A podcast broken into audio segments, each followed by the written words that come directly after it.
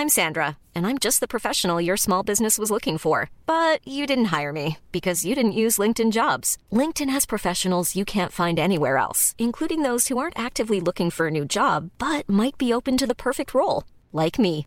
In a given month, over 70% of LinkedIn users don't visit other leading job sites. So if you're not looking on LinkedIn, you'll miss out on great candidates like Sandra. Start hiring professionals like a professional. Post your free job on linkedin.com/people today.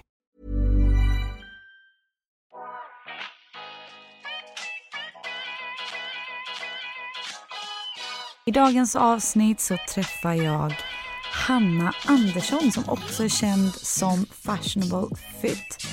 Hon gör en hel del inom träning, hälsa, välmående både för det yttre men också för det inre. Hon driver även sin podcast Fashionable Fit The Podcast. Och eh, vi går igenom hur hennes resa har sett ut. Både karriärmässigt men vi pratar också om eh, hur det är att tappa bort sig själv på vägen och att hitta tillbaka. Om att vara med om motgångar och hur man reser sig upp. Hur man börjar eh, lyssna inåt och hur mycket egentligen våra tankar styr våra liv. Eh, vi pratar också om att rucka på sig själv, självkärlek, styras av egot. Ja, en hel del kring eh, självutveckling. Hoppas ni gillar. Välkommen till En timme med där jag, Sanja Togeltia, träffar människor som inspirerar mig, som berättar om sina karriärresor, pratar självutveckling och hur de har kommit dit de är idag. Dagens avsnitt är ett samarbete med Smoa som är Sveriges största a-kassa för företagare och har idag över 100 000 medlemmar över hela landet. Och Det många inte känner till är att det faktiskt finns även a-kassa när man är egen företagare, precis som jag själv blev för ett ganska kort tag sedan. Och Det de flesta gör är att de stannar kvar hos sin gamla a-kassa utan att göra någon research kring vad som passar en bäst, vad som är bäst pris utifrån den arbetssituation där man faktiskt befinner sig i. Och Småa är ju ledande a-kassan för företagare just och vill att fler ska våga satsa på sina drömmar utan att begränsas av rädslan för utebliven inkomst. Och att vara medlem kostar 159 kronor i månaden. Och om affärsidén inte håller så behåller man upp till 80% av lönen med Småa. Och de försäkrar företagare oavsett företagsform. Så det kan jag verkligen slå ett slag för. Välkommen hit! Ja, men tusen tack. Jag är så glad att vi har fått till det här. Du bor ju inte Ja. i Sverige heltid. Nej, jag, eh, jag flänger ganska mycket. Ja. En nomad. Du är normal. Trivs du med att flänga mycket? Vet du, jag har gjort det de senaste två åren och jag har älskat det. Jag har känt mig så otroligt fri. Mm.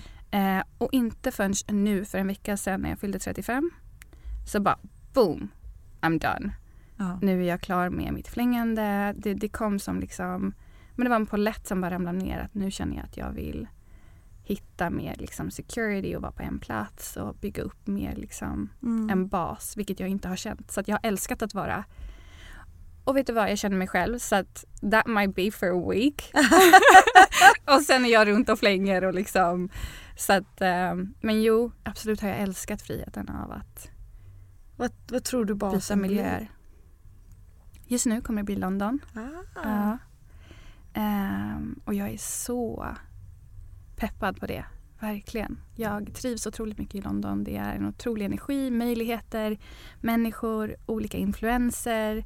Jag känner mig väldigt olimiterad i mitt sätt att vara Mm. i London. Att jag, jag ser så mycket möjligheter och det är Mm. mycket dörrar öppnas hela tiden.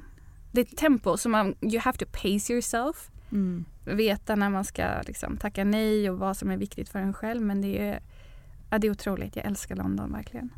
Gud vad kul. Ja. Det ska bli jättekul att föl- följa för att du har haft basen i Marbella och så lite i Sverige. Mhm. Och du är ju känd som fashionable fit. Men jag är lite nyfiken innan vi går in på din resa. Vem är Hanna? Vem är Hanna? Oj, hur beskriver man det? Ehm, Hanna är en person som är otroligt passionerad över att hjälpa andra människor. Um, jag älskar kärlek. Mm. Allt ifrån liksom romantik men också självkärlek till att älska människorna runt omkring mig. Um, så jag brukar typ, jag brukar säga att jag inte, jag gillar inte titlar liksom. But I love love. Mm. Det är typ det som står i min bio. Um, men jag, jag är en person som är otroligt liksom, entusiastisk när det kommer till eh, självutveckling. Drivs väldigt mycket av att förstå mig själv och på det sättet också förstå andra. Eh, och har väl liksom format mitt liv och min karriär utifrån den, den liksom passionen för eh, ja, men personutveckling, självkärlek, att ta hand om sig själv, att älska sig själv och att vara den bästa liksom, versionen för sig själv för att också kunna vara det för dem runt omkring sig. Mm. Wow. Jag tycker det är en, det är en sån stor fråga. Ja, men, eh, men det är också kul att uh, höra liksom för att det, man sätter så mycket titlar vad man jobbar med och sådär. Ja, och jag försöker liksom någonstans gå ifrån lite att så här, jag är mina prestationer. För det har mm. varit en jättestor del i min resa att liksom hitta hem till vem är jag utan allt det mm. som jag kanske har beskrivit mig själv med. Um, så att jag försöker nog beskriva mig själv utifrån vad jag älskar. Jag älskar äventyr, utmaningar, um, att lära mig nya saker. Att känna mig fri är viktigt för mig. Um, ja. ja. Nej, vad härligt. Och um, hur började resan med Fashionable Fit? Har du alltid drömt om att jobba med träning och hälsa eller hur kom det sig att du drog igång det? Det började med att eh, jag bodde i Australien eh, där jag faktiskt spenderade nästan sju år.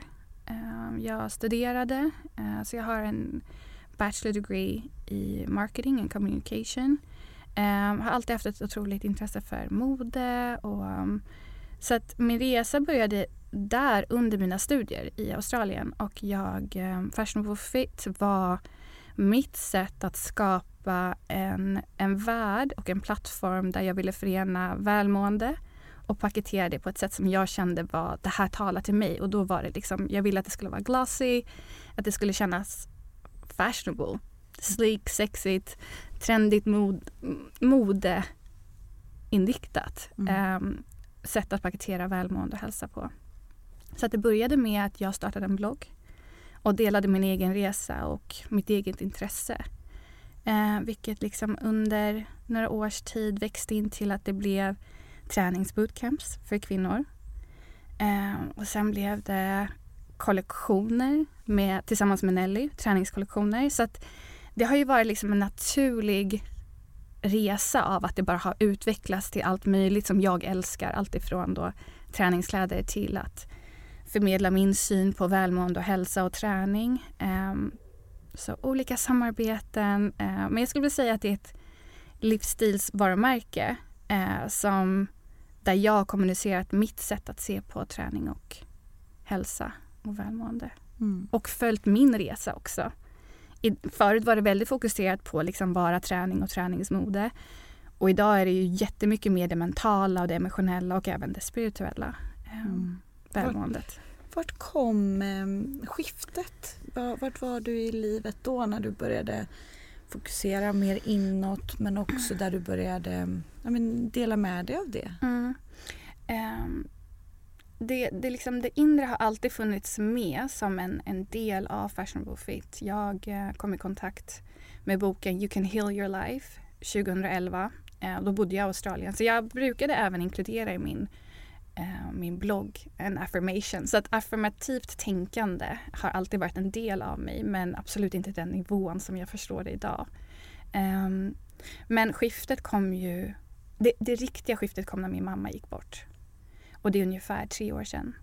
Vilket tvingade mig att verkligen stanna upp mm. eh, och börja titta på vad det är som händer på insidan. Eh, och det väcktes en otrolig nyfikenhet för att jag förstod väldigt mycket. Det var ett otroligt uppvaknande för mig och jag förstod att det är dags att börja läka och det är dags att börja titta på de här sakerna som jag kanske har sprungit och flytt lite från under en väldigt lång tid.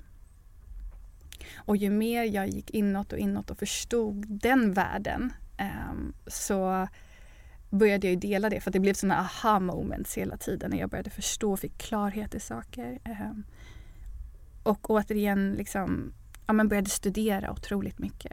Uh, började, ville förstå allting vad som händer. Mm. Både i det mentala men i det emotionella och mm. i det spirituella. Så det, liksom, det var ju flera ben där som jag fick en otrolig nyfikenhet på. Och hur, hur gjorde du för... Um, jag, jag, kan liksom bara tänka mig att det måste varit helt fruktansvärt att du var på botten innan du började liksom läka dig själv mm. eller ta tag i det. Hur gjorde du för att, för att resa dig upp? Jag... Eh, det, som, det som jag insåg ganska fort var att det här med det vi pratade om innan att jag inte kan, jag vill inte definiera mig utifrån vad jag gör för det var exakt det jag hade gjort. Mm. Och när du är på botten och det finns verkligen ingenting du klarar av att göra. Alltså det var där jag fann mig själv. Mig själv att jag, jag kunde inte upprätthålla Instagram och allting och träningsbulk, allt jag hade gjort. Eh, vilket någonstans tvingade mig in i en position av att du, jag måste bara vara. Och vem är jag om jag bara är? Mm. Vad, vad är jag värd då och vad förtjänar jag genom att bara vara Hanna utan allt annat utanpå. Um, och det började nog där att jag var tvungen att bara acceptera att jag inte klarar av någonting just nu. Och från där började jag ta ett steg i taget. Och det som var ganska häftigt var att jag hade ett samarbete med Björn Borg just då um, som pratade om, eller var liksom helt grundat på vad som händer i hjärnan när vi rör på oss.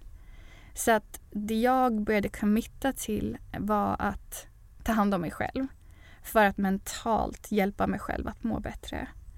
Um, så det såg ju bara ut som att liksom ta en promenad. Se till att tre gånger, baserat på egentligen forskning, ge dig själv, om det är någonting du kan göra, ta en promenad, gå ut i naturen 20 minuter eller få upp din puls 20 minuter tre gånger i veckan om det är en sak du kan göra för dig själv för att du ska orka och för att du ska vara den bästa du kan vara där du är just nu för de runt omkring dig, gör det. Eh, så att, att jag redan hade liksom kunskapen om forskningen, vad som händer i hjärnan och det mentala när vi rör på oss. Det var väl typ det som räddade mig. För att jag orkade ingenting. Nej. Allt jag någonsin har liksom gjort och identifierat mig med var inte relevant längre. Jag förstår. Och du sa också att du, du har identifierat dig mycket som en prestationsmänniska och att det här försvann och liksom när du bara var. Mm. Va, vad lärde du dig av, av det? Liksom, hur har det hämmat dig, tror du, att vara en prestationsmänniska? För jag tror att jag själv och många som lyssnar på den här podden känner igen sig så otroligt mycket. Att man identifierar sig så mycket med vad man gör, mm. vem man är utåt och idag är väldigt mycket byggt på social media. Mm. Eh, vad har du liksom lärt dig av det? Alltså självkänsla. Ja.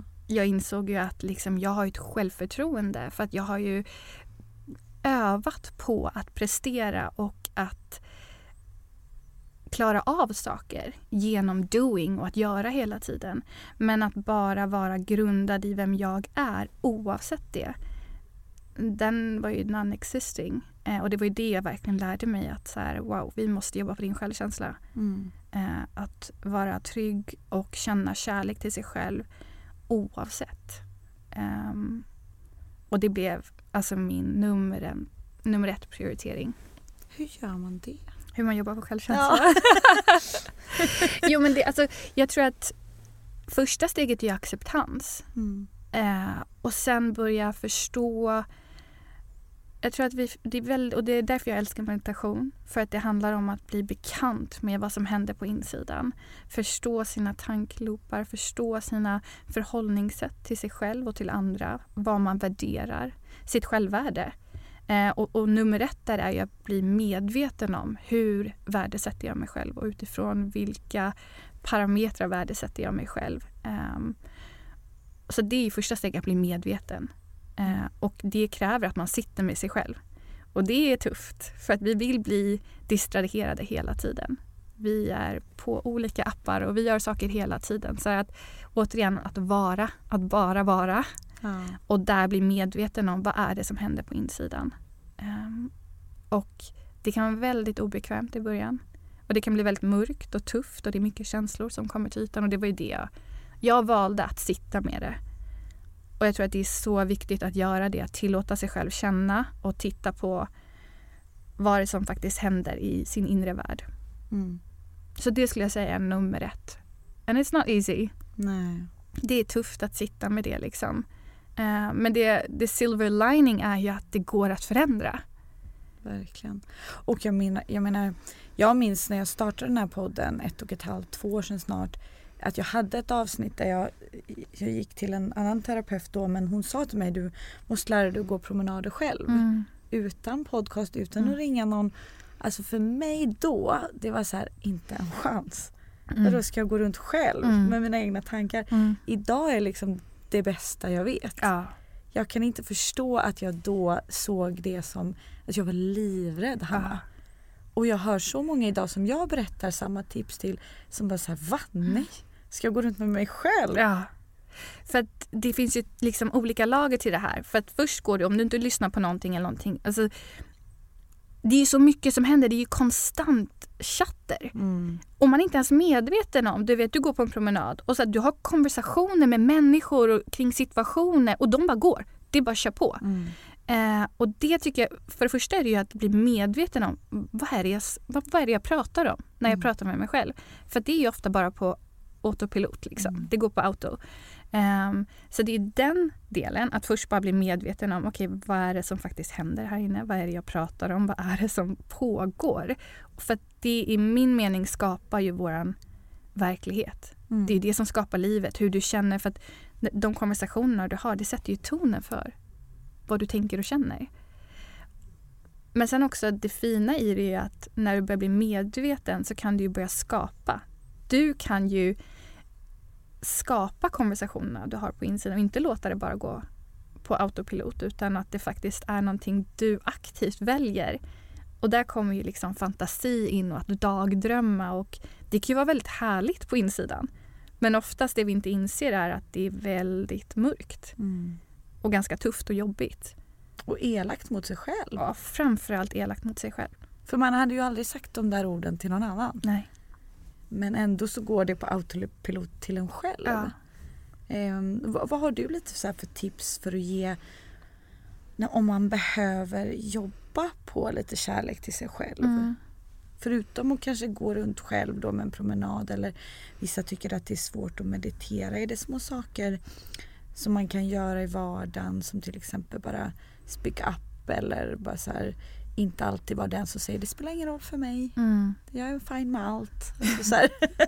Ja, det, alltså, oh, det finns ju så mycket att prata om här. Det du touchar på där är ju boundaries. Liksom, Ja. och Det är otroligt viktigt att börja se vad... Och, och jag, jag tycker att inom så här självutvecklingsvärlden så pratar man ju väldigt mycket om gränser och gränssättning. Och jag tycker att det är så viktigt att vi också kommer tillbaka till kärlek där. Att förstå att gränser handlar ju om att jag respekterar och har kärlek för mig själv. Och det är inte för att hålla en annan människa borta. Utan det är snarare för att den människan ska komma närmare mig och förstå mig. Så att vi kan se varandra, höra varandra och förstå varandra. Och jag tror att det är det som på en mänsklig nivå, det är det vi vill. Mm. Alla vill ju bli förstådda, hörda och sedda. Oh, ja. Ehm, men gränser tror jag ibland kan uppfattas som att så här, nej men du, du stannar där borta. Kommer du närmare eller bryter du den här gränsen så, så funkar det inte för mig. Och, och för mig är det ju gränser är ju att jag försöker berätta för dig vem jag är. Mm. Vad jag behöver och vad jag kanske inte är okej med. Och så kan vi göra vårt bästa för att mötas i det. Och sen så får man ju också ha lite förståelse för att alla människor kommer inte alltid kunna ge dig det du, det du frågar efter. Men då har du också ett val. Kan jag vara kvar i den här relationen eller kan jag definiera om den här relationen? För att det här är vad det jag behöver i mina relationer. Mm. Mm, exakt och vad kan jag tänka mig och hur mycket kan man tänka sig att kompromissa? Är det för mycket som tar av ens boundaries eller gränser då kanske det inte funkar eller vissa grejer kan man rucka lite på och så Mm. mötas med den andra personen och sådär. Har du, har du någon erfarenhet? För det tycker jag är intressant att jag tror att vi alla någonstans känner igen oss där vi har ruckat lite på våra gränser Mm. och, och liksom trampat lite på oss själva Mm. för att passa in eller ja, men få någonting att funka kanske i en relation eller i en vänskapsrelation. Men där man så inser i efterhand att så här, men vad höll jag på med? Jag gick emot mig själv, mina egna Mm. gränser ganska mycket. Och det är ju det är också sådana saker som går ganska ofta på autopilot som vi kanske inte i stunden är så jättemedvetna om. Eh, ett tips som jag har som har hjälpt mig väldigt mycket det är att vara i linje med sina tankar, känslor och handlingar. Och det här är svårare än man tror. Men Mm. för att vi oftast vi tänker en sak och så känner vi en sak men så, så gör vi någonting helt annat. Så att låt säga då det är en situation eh, och du tänker för dig själv, men så här vill jag, så här vill jag göra. Och så känner du verkligen det men sen så som du säger så trampar man sig på sig själv och man lämnar sin sanning. Och jag tror att det viktigaste i om man vill börja verkligen älska sig själv och ha den här självrespekten och att det ska speglas i sina relationer då är det ju det att vara sann till sin sanning. Att inte lämna sig själv. Och sen så det är en journey. Det är också en resa i att vi vill så gärna bli omtyckta. Mm. Vi vill så gärna, vi är livrädda för att bli lämnade. Eller rejected. Ehm, så att man måste också förstå att primitivt i oss Mm. så är vi så rädda för att inte bli älskade. Och vi gör nästan allt för att få den typen av bekräftelse. Ehm, och det är väl det som hela det här med att liksom älska sig själv i att du måste älska dig själv först och inte leta efter den kärleken hos andra människor först. Mm. Det är där det blir fel och det är där vi ofta känner att vi lämnar oss själva och lämnar den sanningen Mm. som vi någonstans vet att det här är rätt för mig. Och det måste vara viktigast. Och sen tror jag att med tiden så blir vi bättre och bättre på den muskeln, att kunna kommunicera det. För det är klart att det är jättejobbigt i början. Ja. Det är så tufft och man är rädd att folk kommer bli arga på en eller sura eller besvikna och allt det här. Men jag tror att i, i den resan också av att älska sig själv och respektera sig själv är att det är okej. Det är okej att göra någon annan besviken. Att man inte håller sig själv till att vara så perfekt hela tiden. Att, Nej. låt säga att du väljer dig själv först i en situation. Vilket kommer, ja, effekten av det är att någon annan blir besviken på dig Mm. Det är okej.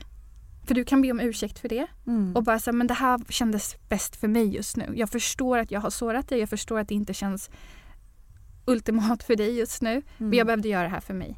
Och jag tror ju mer vi alla gör det och kommunicerar det kommer vi kunna liksom hjälpa varandra att göra det som är bäst för oss själva och det ultimat blir bäst. Gud jag pratar om att här, Ja. förändra världen men jag, jag det tror är ju- det är så ja. viktigt och vi är så rädda för att göra det som är bäst för oss själva. Mm. Och ibland är inte ens den andra personen besviken. Nej! Utan man tror det i sitt eget huvud. Alltså verkligen, återigen det här, vad är det för konversationer Ja. du har med dig själv? För att ofta så har vi redan liksom förväntat oss Ja. worst case scenario. Att det värsta kommer ske och så kommer jag behöva ha en plan för hur ska jag rädda den situationen. Exakt. N- när vi inte ens är där än. Mm. Och ibland är det så här om man styr av någonting, låt säga en plan med en kompis och så bara för att man orkar inte. Mm. Man behöver lyssna på sig själv. Och så tänker man, gud hon kommer bli så besviken eller han kommer bli så besviken. Ibland är det ju även så att den här kompisen tycker att det är rätt skönt. Mm. Och det tänker man ju aldrig. Och jag tror att om fler checkar in med sig själva när Ja. saker kanske inte går som planerat.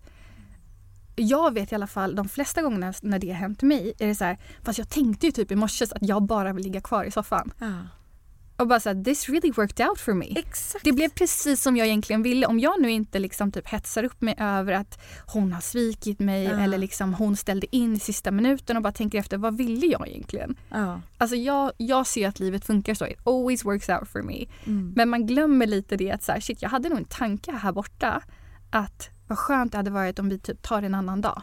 Men istället så det här dramat i livet så vill jag göra en situation av att den här personen ställde in när it really worked out for me. ja.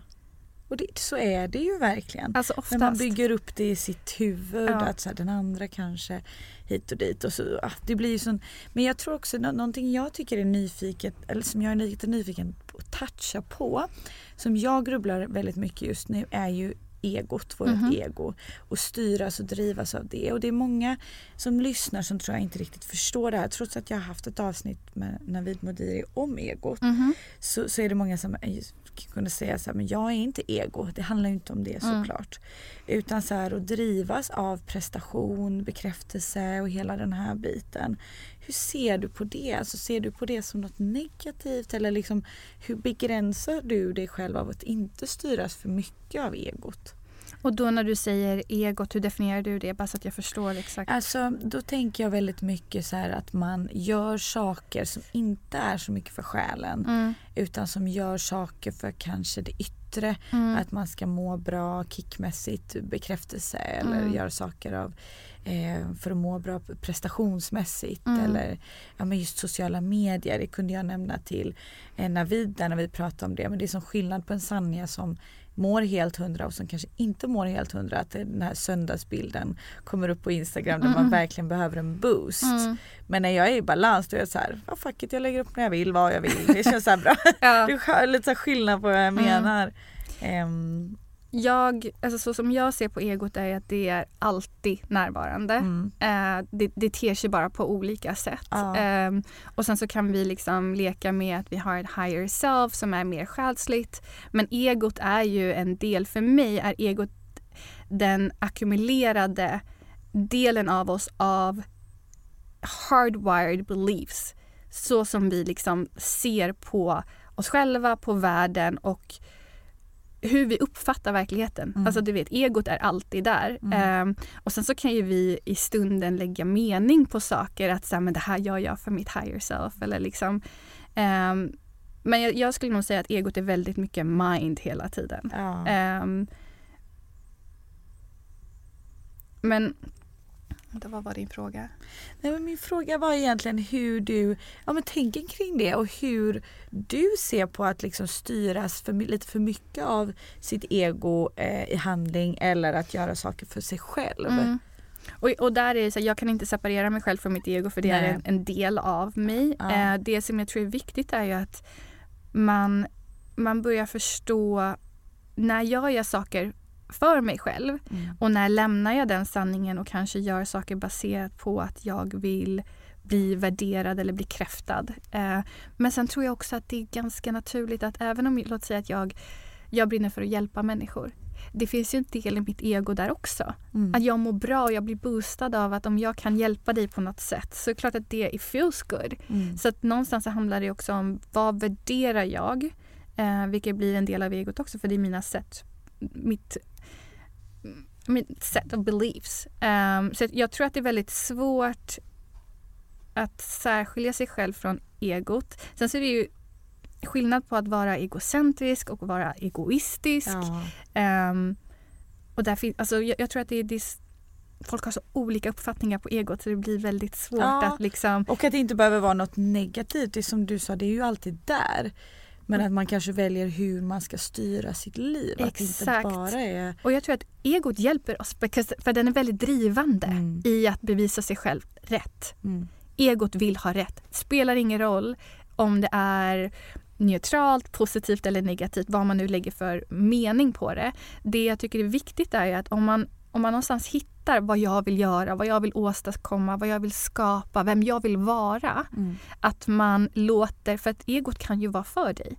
För den driver framåt till att bekräfta sig själv rätt hela tiden. Exakt. Ehm, och därigenom att så här, ja, men om jag vill uppleva det här eller jag vill vara den här personen, att se att det jobbar för dig och inte emot dig.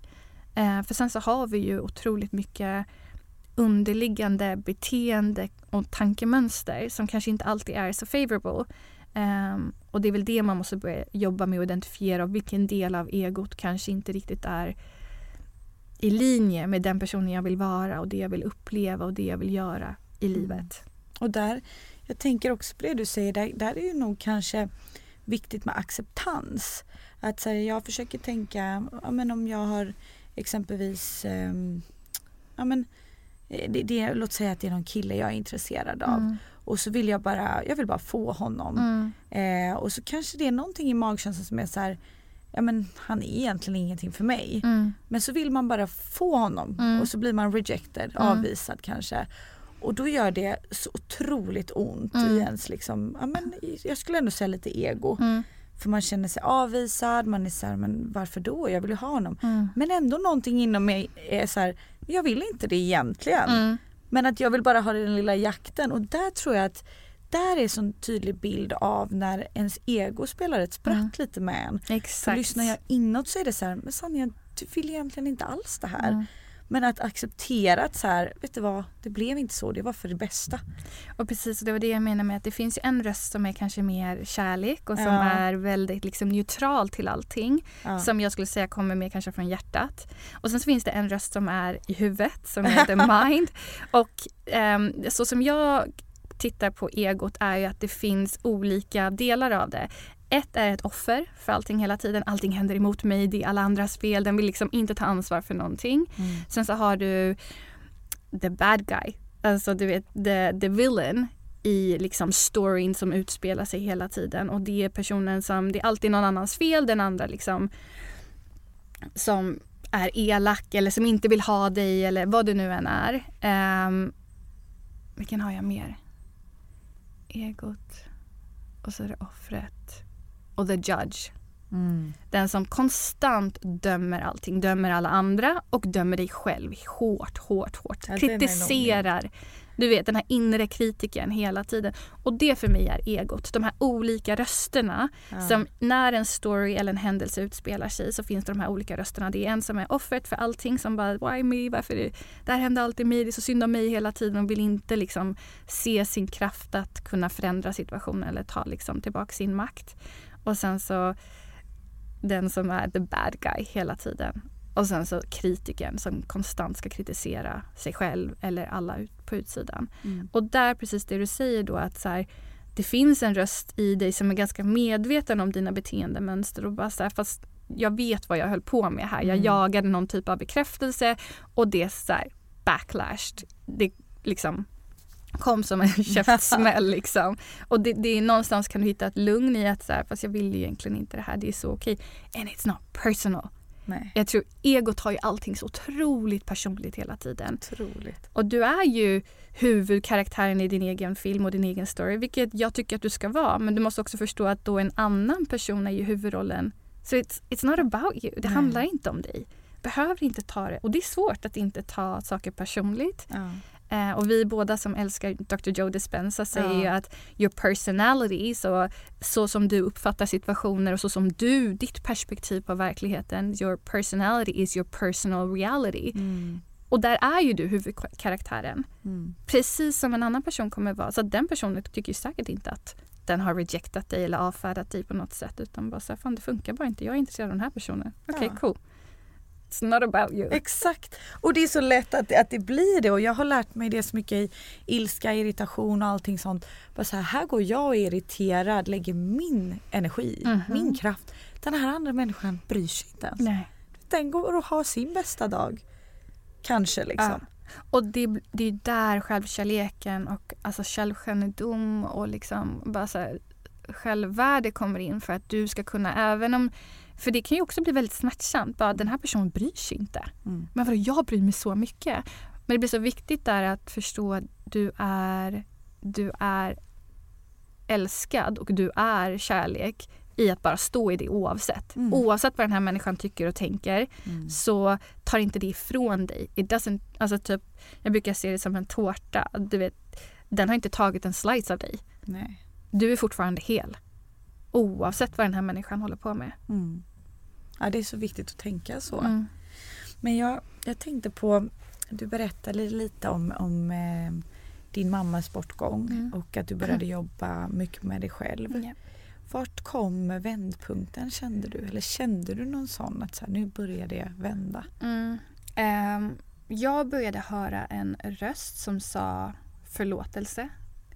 Alltså jättemärkligt eh, och väldigt mystiskt. Jag gick ute i, jag hajkade varje dag eh, och började höra en, en röst som sa förlåtelse. För att det är en väldigt lång story. Min relation till min mamma var ganska problematisk. Eh, så att när hon plötsligt gick bort så var det alltså devastating. Det var det fanns så mycket skam i att så här, hur kan jag förlåta mig själv men också allt vi har gått igenom. Hur ska jag förlåta henne? Och jag hörde den här rösten som säger förlåtelse, förlåtelse, förlåtelse. Och där någonstans började jag förstå att det enda sättet jag kommer bli fri från all den här, de här låga energierna som verkligen är skam och guilt är förlåtelse. Jag måste förlåta mig själv och jag måste förlåta henne. Och jag har inte möjligheten nu att göra det med henne fysiskt här. Så jag måste göra det här via energi. Jag måste släppa på energi som jag håller. All den ilskan, all den frustrationen. Eh, alla de här väldigt tunga och jobbiga energierna och känslorna som jag bar på måste jag släppa. Och där kom skiftet när jag förstod hur jag jobbar igenom mig eh, förlåtelse mm. för mig själv och för någon som har gjort massa saker som jag då kände hade påverkat mitt liv väldigt mycket. Mm. Och det var att sätta mig själv fri. Så där var första skiftet i att bli fri genom att förlåta. Oh, och förstå att förlåtelse är inte att man är okej okay med andra människors beteende. Eh, eller kan, jag kan titta på mig själv och bara säga jag hade kunnat göra saker annorlunda. Men att man har en acceptans till vad som är och att jag kan hitta kärlek för vad som var. Eh, och att det handlar inte då om att jag är okej okay, eller att jag godtycker andra människors beteenden. Men att jag väljer att aktivt släppa all den ilska och um, sadness och sorg um, som jag håller fast vid genom att inte förlåta. Mm. Um, och det var major.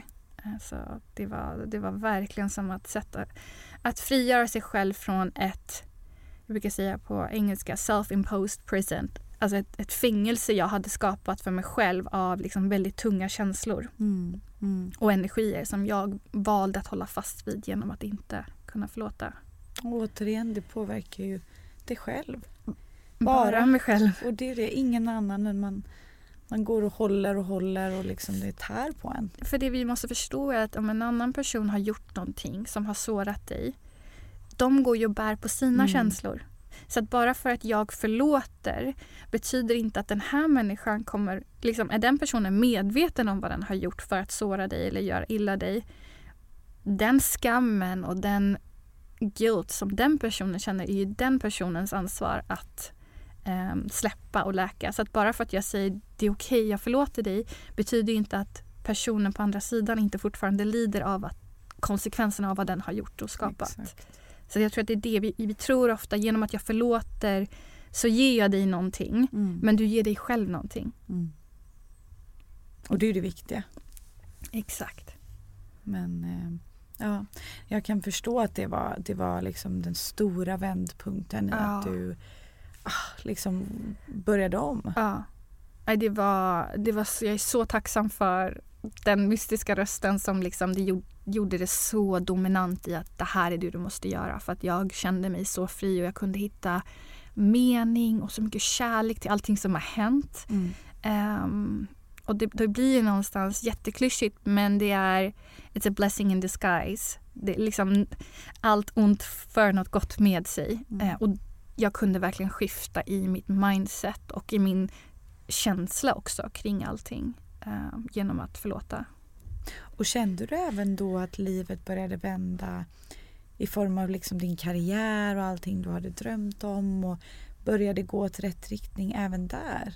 Det tog ett tag. Jag var otroligt mån om att jag är nummer ett just nu och jag måste låta det vara. Och I och med att det skedde så stor transformation inom mig så, så det som jag hade skapat på utsidan speglade inte riktigt vad som hände på insidan. Så jag tog verkligen ganska lång tid på mig. Jag hade några samarbeten eh, men jag tog verkligen tid för att liksom landa i och jag var väldigt lyckligt lottad att jag kunde be om hjälp från min familj mm. eh, för att kunna göra det. Liksom.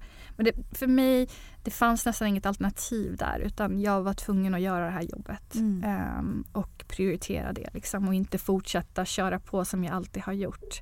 Eh, för jag insåg att det är inte riktningen jag vill gå i. Men just nu vet jag inte exakt. Nej. Jag vet inte exakt vad nästa steg är. Jag vet inte nästa. Men det är en sanning som börjar bli väldigt stark inom mig att jag vill skifta mer in till det inre. Mm. Ehm, Oh, wow. mm.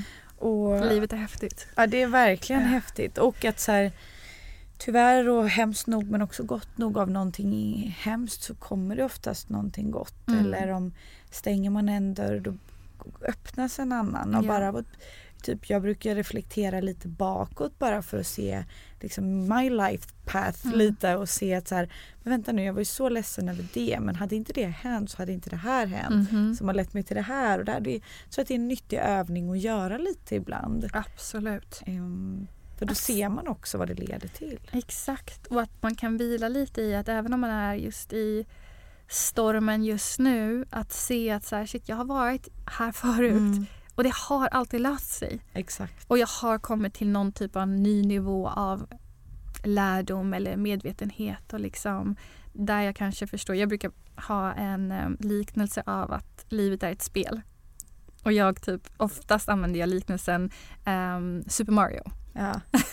jag älskar det. Ja. Eh, det blir inte så djupt och seriöst då. Men du vet, och det är alltså så här, du kommer alltid, eller en hinderbana liksom.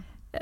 Jag menar ibland går det inte riktigt som man tänkt sig. Man klarade inte alla liksom plintar och bockar och rep och allt vad det är. Men du börjar från början och du vet lite bättre hur du ska göra och klara det till nästa gång. Ja. Då kanske du får en bättre tid eller liksom vad det nu än är. Så det är liksom det är levels hela tiden till spelet. Mm. Eh, och du tar med dig, det är inte som att du börjar på nummer ett igen eller här, från ruta ett utan du har med dig lite mer erfarenhet och fler lärdomar vilket gör att du kommer typ navigera Mm.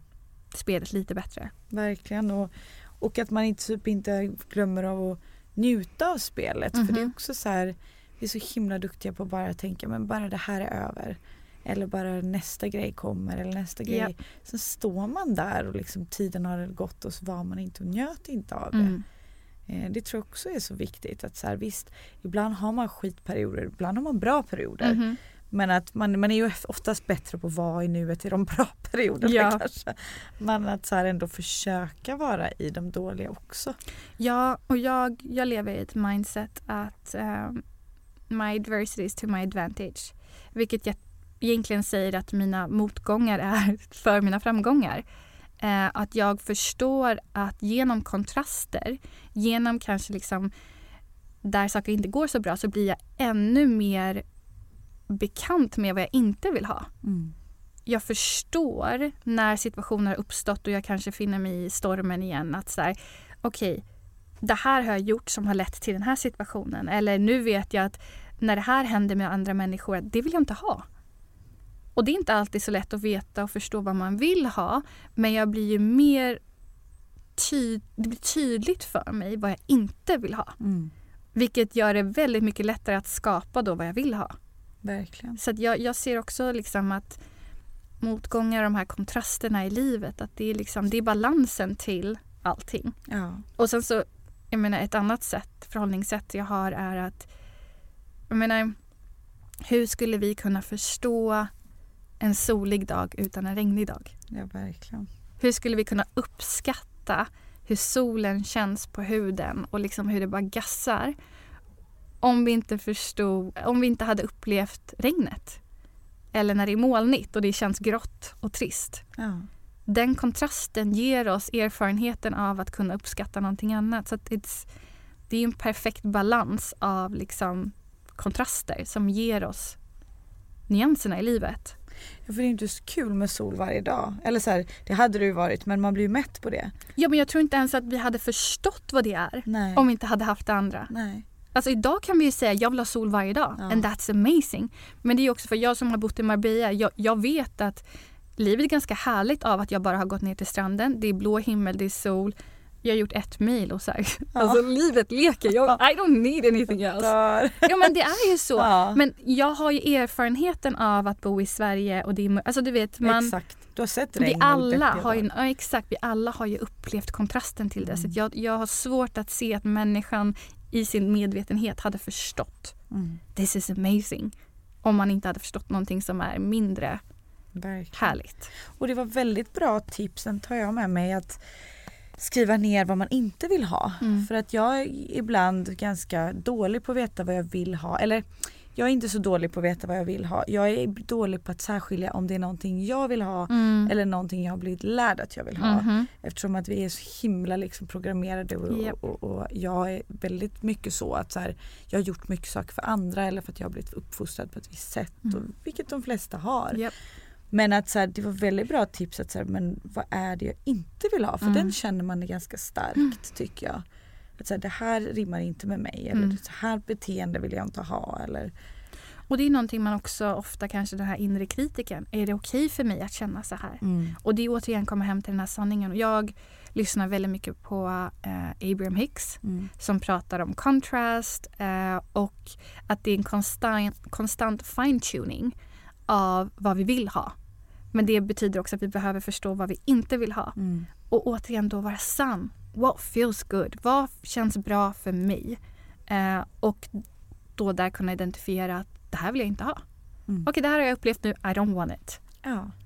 Och vara okej med det och inte döma det så hårt. Utan bara så här, det, det är inte i linje med mig. Nej. Det kanske är i linje med andra. Det är cool, det är ett beteende andra kan vara okej med, men inte jag. Exakt. Och det- sen då kunna skapa och förstå vad är det jag vill ha.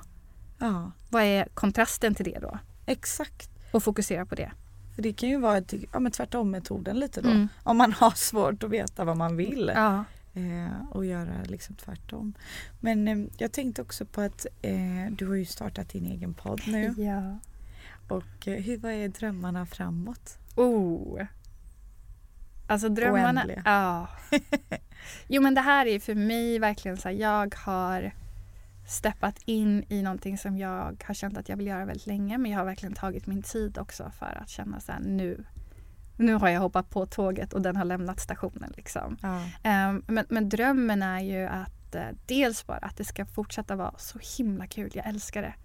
Det är så effortless och naturligt och jag bara ja, men bara sitta här och prata med dig nu. Jag, jag älskar det. Alltså Ja. konversationer om vad jag känner är viktigt och meningsfullt och kan hjälpa människor kanske att öppna sina perspektiv och inte vara så låsta i precis det du säger. Vi är så programmerade. Eh, men också så här, förstå sin power att skapa. Eh, och att skapa sitt liv och välja mycket mer medvetet. Vad vill jag känna? Vad vill jag uppleva? Vem vill jag vara? Och inte vara så låst till vem man har varit eller vad man, att, vem man har varit eller vad man har gått igenom. Mm. Så drömmen för min podcast är ju liksom fortsätta konversationer, djupa konversationer men också ge de här boost of inspirations, bara små pepp. Ehm, finnas för att kunna relatera till. Jag tror att det är så viktigt att i det här och ju mer vi går inåt och det är ju en otrolig trend av det också, att vi gör det nu, att man börjar lyssna inåt mer, att det är lätt att känna sig ensam bland Mm. alla röster där inne. Eh, men att man inte är ensam. Eh, så att liksom någonstans vara också en, en plattform och en röst där folk kan relatera och inte känna sig så ensamma i den resan. Eh, jag vill att det ska bli en tv-show av det. Eh, där man får se liksom. Jag tror att det är en helt annat det är något helt annat också att få se när man har de här konversationerna Gud ja. eh, Mm. än att bara eh, lyssna och sen så Ja men alltså så här, jag drömmer stort. Det finns liksom inga limitations till. Eh, men jag tror att, oh my god, jag brukar säga att jag vill bli en modern Oprah Winfrey ja. med typ en så här uh, Beyoncé touch. Gud vad härligt. Så att så här, för mig, den energin som jag kanske känner från Beyoncé är att jag känner mig empowered. Mm. Jag jämför mig inte, jag vill inte vara någon, utan det är en energi av att så här, jag kan vara allt jag är och Mm. vill vara. Ehm, men också skapa en plattform, precis som Oprah gjorde, där man har väldigt själsliga samtal ehm, som berör ämnen som är viktiga eh, och som behöver stigman behöver försvinna liksom från ehm, Mm. och öppna upp för det. Så ja, det är väl det som är...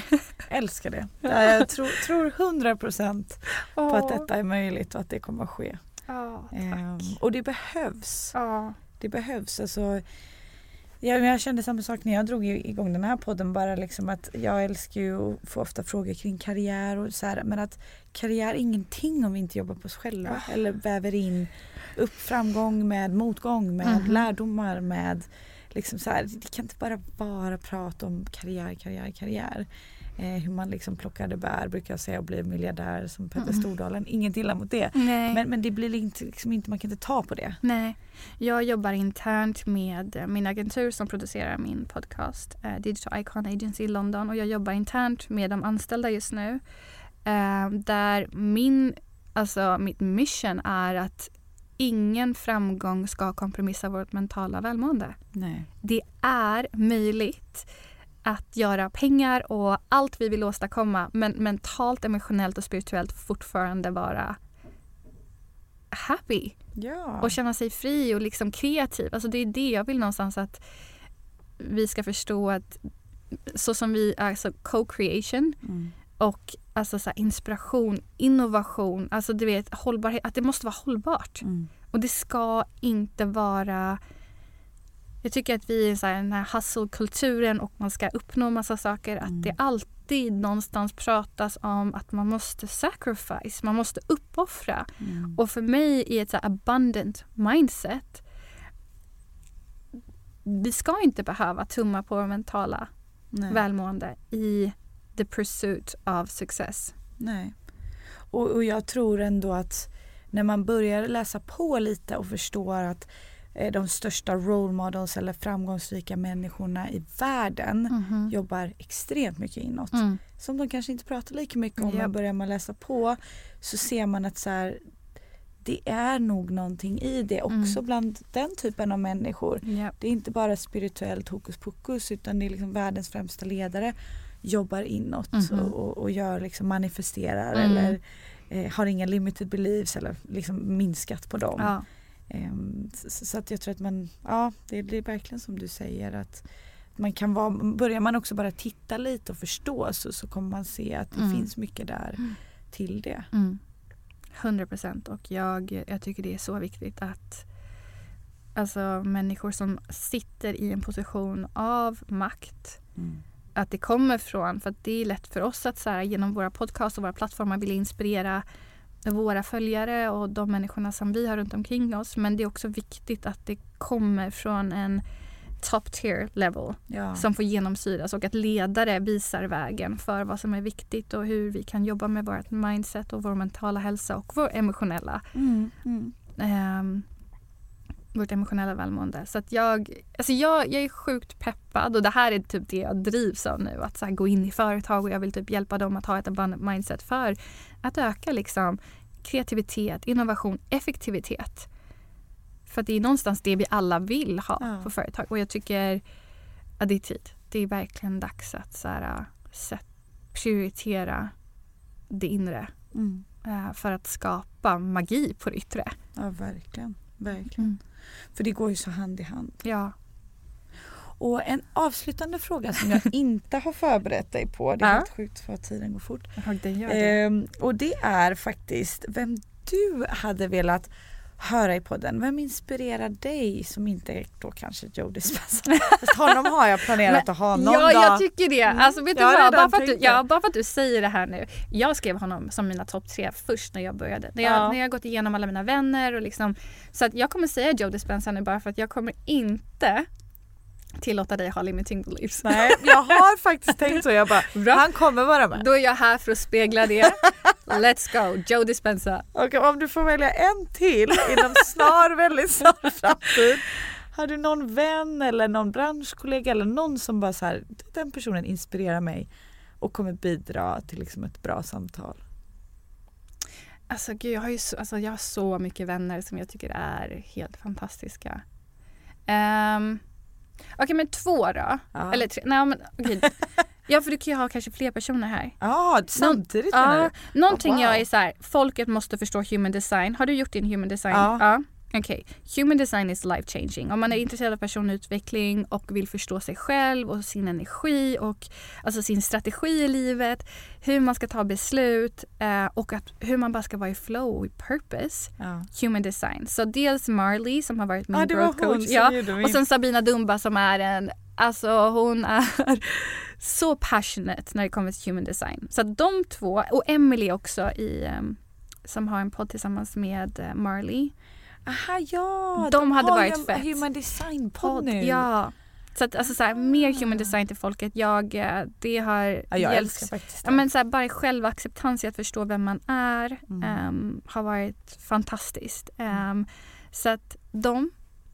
Och sen tycker jag jag och Alice har haft så otro, Alice Stenlöf har Mm, haft så mm. otroligt fina samtal och eh, hon är också väldigt inne på det här spåret nu med liksom lära känna sig själv och verkligen gjort otroligt jobb. Mm. Ehm, så jag tycker hon är en fantastisk röst att ja, men, sätta, alltså prata om sin resa. Jag tycker det är, vi har väldigt lika, liknande resor de senaste två åren men Mm. ja. Tack! ja. Och tack för att du kom Jag står fast vid Jo, Joe ja, I, I love it! Så om jag har manifestat det, då gör, tar jag gärna din också. Well they say when two people on this earth agree it shall be done. Så Ja. jag kommer manifesta det här med dig. I, I love it. Tack för idag och för Tack. samtalet och för att du delar med dig. Ja, tack själv, tack för att jag vill komma. Det är, jag poddar ju på engelska så det är väldigt annorlunda för Ja. mig. Jag, jag hittar inte riktigt orden ibland. Nej, Ja, men det, men det, det- det... Och vart hittar man dig om man är nyfiken nu? Jag kommer ju länka överallt men det är ändå kul. Du är. Uh, fashionable fit. Jag har bara min, eh, min Instagram, Mm. fashionable fit. Och sen uh, fashionable fit the podcast. Tack snälla. Tusen tack. Om ni gillar podden så får ni hemskt gärna dela den här med era vänner. Men också gå in och prenumerera och jättegärna lägga en liten kommentar. Det hade gjort mig så otroligt glad.